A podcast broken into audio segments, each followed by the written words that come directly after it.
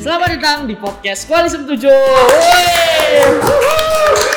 Nah, nih ada sesuatu yang menarik nih pada podcast hari ini karena kita udah bareng Politeknik Akademi Pimpinan Perusahaan. Dari namanya aja tuh udah wah keren banget nih. Tapi siapa sih yang bakal ngobrol-ngobrol bareng kita? Udah ada Muhammad Reksa Pandia dari Politeknik APP 2020. Halo teman-teman semua, perkenalkan namaku Muhammad Reksa Pandia. Aku dari Politeknik APP Jakarta, Prodi Manajemen Pemasaran. Mantap mantap. Manajemen pemasaran ya. Iya, Gimana betul. nih rasanya kuliah online di tahun pertama? Eh sebenarnya sih kuliah bukan kuliah online ya, maksudnya dari zaman SMA kelas 12 juga Ah. udah online Iya kan. bener banget sih. Nah, online, ujiannya juga ujian sekolah akhir juga online ya. Ya let it flow sih rasanya. Maksudnya apa ya? nggak diduga juga sih kepengen kuliah online tapi kita harus adaptif juga sih karena emang situasinya pandemi kayak gini jadi kita harus ngikutin protokol kesehatan ngikutin arahan dari pemerintah ya di bawah asik aja sih. Mantap. Aku juga sih kayak kuliah online kurang greget gak sih? iya sih Kalau belum di- ngerasain lingkungan kampusnya gimana gitu. Nah, ah, bener banget. Nah, aku mau tanya nih. Berhubung tadi kamu bilang lingkungan kampus. Eh, lingkungan kampus di sana tuh gimana sih? Mungkin kayak temen-temennya atau gedung-gedungnya atau apa aja deh ceritain di Eh, APP. jadi lingkungan kampusnya itu eh, nanti kalau teman-teman masuk itu nanti ada tugunya gitulah. Terus eh, di situ nanti di dalamnya itu ada taman. Biasanya tuh kita nyebutnya tuh tamannya Bangjo. Jadi itu bangku ijo gitu. Jadi karena bangku-bangkunya itu ijo gitu. Terus eh, buat apa?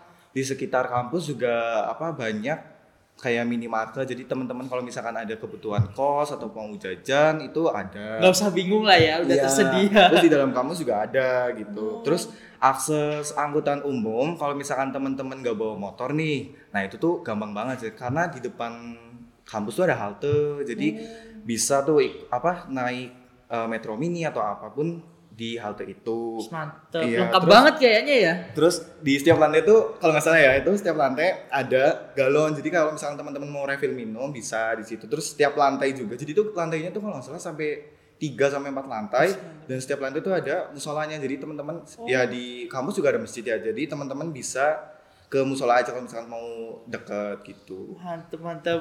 Di setiap lantai ada musola. Ada. Keren banget sih beneran. Bener-bener nggak usah takut buat ibadah. Iya. Nah, eh, kan gini nih biasanya tuh ada ada mesti tanya kayak, eh tapi di Jakarta biaya hidupnya tuh mahal nggak sih? Emang eh, mahal gitu atau gimana sih? Iya sih, eh, mungkin orang awam pun tahu ya bahwa stigma Jakarta itu biaya hidupnya mahal. Exactly betul banget ya. Maksudnya, tapi catatan eh, gak semua di daerah Jakarta itu biaya hidupnya mahal gitu.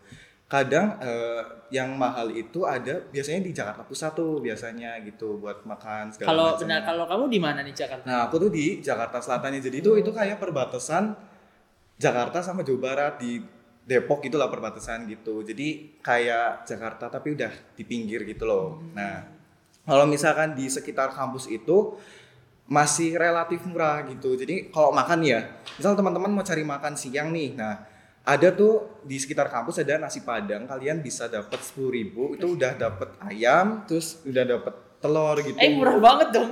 itu tuh ya sebenarnya nggak beda jauh sih dari Purwokerto gitu ya iya ya. gitu terus kalau misalkan kalian nih biasanya kan eh, anak kos ya kita nyari warmindo ya Iya bener banget. itu di saya juga ada warmindo gitu kayak misal eh, mau cari omelet segala macam gitu kan itu harganya juga relatif murah dari 8.000 sampai 12.000 jadi sama lah kayak di Purwokerto di sekitar Unsur itu kan banyak tuh Iya bener sama sih kalau. Nah, terus kalau minumnya sendiri kalau di Barmindo sama juga sih tiga ribuan ke atas gitu. Ya, rata-rata ya. Iya gitu segitu. Terus eh, kalau misalnya nih teman-teman mau nyemil juga relatif murah sih di sekitar di sekitar situ ada yang jual es krim corner gitu kayak model McD pakai kon itu udah dapat 5000 dan itu rasanya mirip banget sih sama McD.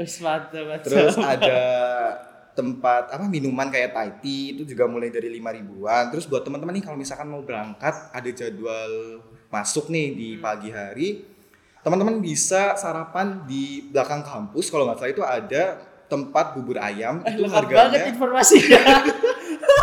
ini buat referensi teman-teman ya, ya aku kasih tahu loh. Jadi Oke oke. aku pengen banget mematahkan stigma bahwa Jakarta itu Mahal. mahal. Ah. Enggak, sebenarnya enggak gitu. Maksudnya kalau kalian pinter-pinter memanage keuangan kalian, kalian bikin eh, apa ya anggaran bulanan, pasti kalian bisa sih memenuhi targetnya. Tergantung gitu. orangnya masing-masing juga Iya. nggak sih. Kalau misalkan emang kalian uang jajannya dikasih lebih, misal 2 juta harus habis sebulan gitu misal sama orang tua ya silakan kalian bisa nih di sekitar kampus juga ada kayak restoran-restoran gitu kalau misalkan kalian di awal bulan punya uang banyak nih atau kalian emang disangguin banyak ya silakan kalian bisa eh, mau ngerjain tugas atau mau duduk-duduk aja atau mau makan enak gitu Hmm. Terus ada tuh bubur kisaran 7 sampai 8 ribuan ada di belakang kampus gitu.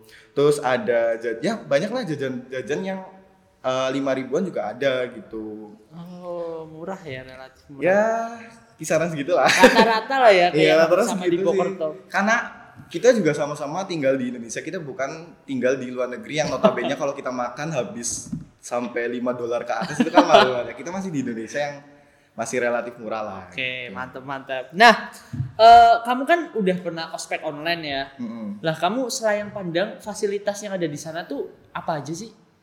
Hmm, kalau fasilitas yang aku rasain waktu itu dulu ya ospek ya, eh, kayak ada gedung pertemuan gitu lah ya, gedung pertemuan buat apa?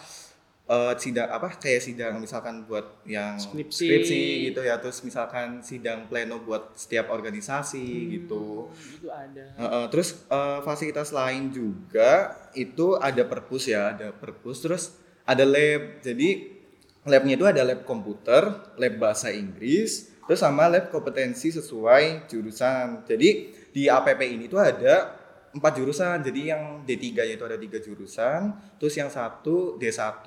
Nah, lab setiap prodi itu beda-beda sesuai kebutuhannya. Kalau aku manajemen pemasaran, laboratoriumnya tuh ada lab multimedia, terus ada lab project, terus ada lab display sama lab fotografi. Kalau kalian ya. kalau kalian tahu, misal ya kalian pernah nih ke toko HP, karena kita kan di sini tuh manajemennya tuh manajemen industri ya, industri elektronika. Kalian pernah nih kayak display di toko HP, misal lebay banget gak sih kalau misalkan ada yang ngeliat HP lampunya banyak banget. Oh, iya, nah iya, itu tuh iya. namanya display kayak gitu-gitu. Itu lebay banget sih sebenarnya. Tapi kan buat iya buat apa? Menarik consumer buat beli. Itu ada ilmu-ilmunya gitu nanti ya. Ada. Mantap, mantap, mantap, mantap. Terus ada sarana olahraga juga, ada lapangan basket, terus terus tiap kelas full AC juga sih. Terus parkiran ada dua buat motor sama mobil. Udah lengkap lah ya secara fasilitas nyaman ya, sih buat lah. kuliah. Nah, aku penasaran nih sama teman-teman pasti penasaran. Kamu tuh masuk lewat jalur apa dan seberapa ketat sih keketatan kampus di situ? Eh dulu aku masuk jalur kayak apa ya itu Jarvis bersama gitu ya kayak SBM gitu loh. Jadi itu Jarvis bersama itu kayak eh, seleksi untuk seluruh politeknik di bawah Kementerian Perindustrian gitu. Jadi di eh, politeknik APP ini salah satu yang apa ya punyanya Kementerian Perindustrian gitu. Jadi masih ada lagi tersebar di seluruh Indonesia gitu. Berarti kamu tadi masuk lewat. Jarvis bersama namanya kalau nggak salah. ya. Kalau keketatan kampusnya gimana tuh menurutmu? Eh, tahun 2020 itu pendaftarnya itu kurang lebih ada 6 ribuan. Jadi kita waktu aku seleksi ya Jarvis bersama itu seleksinya itu ada tiga tahap. Jadi pertama ada tahap administrasi, kita ngelengkapin data-data. Terus nanti eh, ada tes tertulisnya. Jadi tes tertulisnya itu ada TPA sama DB, TBI tahunnya aku. Tapi kalau misalnya aku dulu tanya ke cutting, kakak tingkat itu ada TWK-nya juga gitu. Kayak kayak kedinasan biasa sih gitu tes-tesnya. Oh, hampir sama gitu iya. ya. Terus yang terakhir wawancara. Jadi wawancara di sini itu pakai bahasa Inggris. gitu. Pakai bahasa Inggris? Heeh, pakai bahasa Mantap, mantap.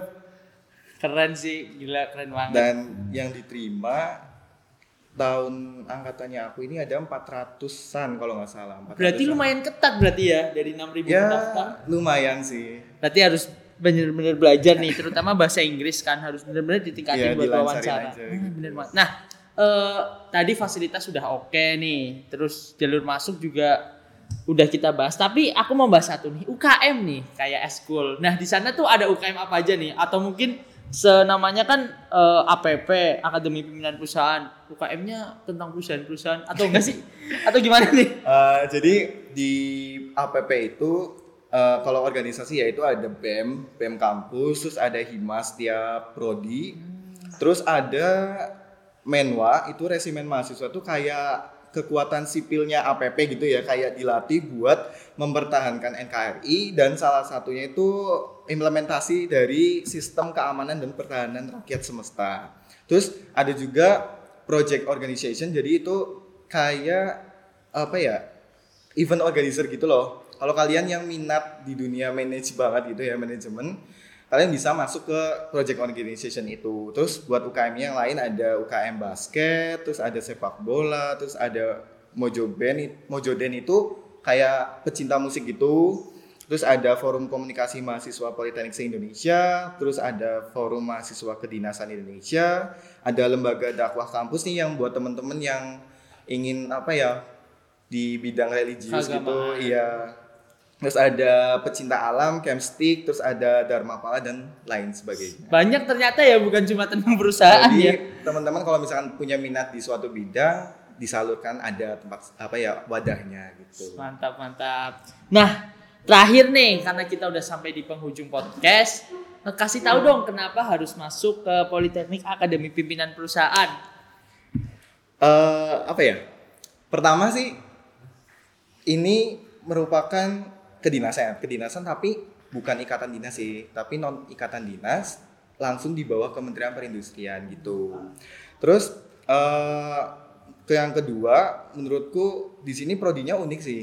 Prodinya unik karena eh di APP ini prodi prodinya itu kayak apa ya pionir manajemen industri di Indonesia pertama. Terus sama birokrasinya sih di dalamnya birokrasinya teratur banget mulai dari eh, struktur di APP-nya gitu kan mulai dari direktur segala macam terus sampai kayak di organisasi juga teratur sih. Mantap, udah cocok banget buat tempat kuliah lah ya. Nah, eh kamu kan udah pernah ngerasain nih gimana kerasnya belajar. Kasih tahu dong buat adik-adiknya, kasih motivasi buat semangat belajar nih. Em, kalau aku pribadi sih pesen buat teman-teman nih yang sekarang kelas 12 belajar sih. Pasti belajar rajin dan jangan lupa doa sih. Doa itu kekuatan yang powerful banget buat membantu kita, mendorong kita gitu. Oke. Sama apa ya? Ya udah sih paling gitu aja. Sama ini sih eh, percaya sama kekuatan diri kalian sendiri bahwa kalian mampu. Mantap, mantap. Aku juga ikut termotivasi nih. Oke, makasih banget nih buat Reksa yang udah hadir di podcast hari ini dan semangat terus buat belajarnya Yes. dan buat adik-adik Semada 21 tetap semangat belajar jangan lupa berdoa dan sampai jumpa di podcast podcast selanjutnya.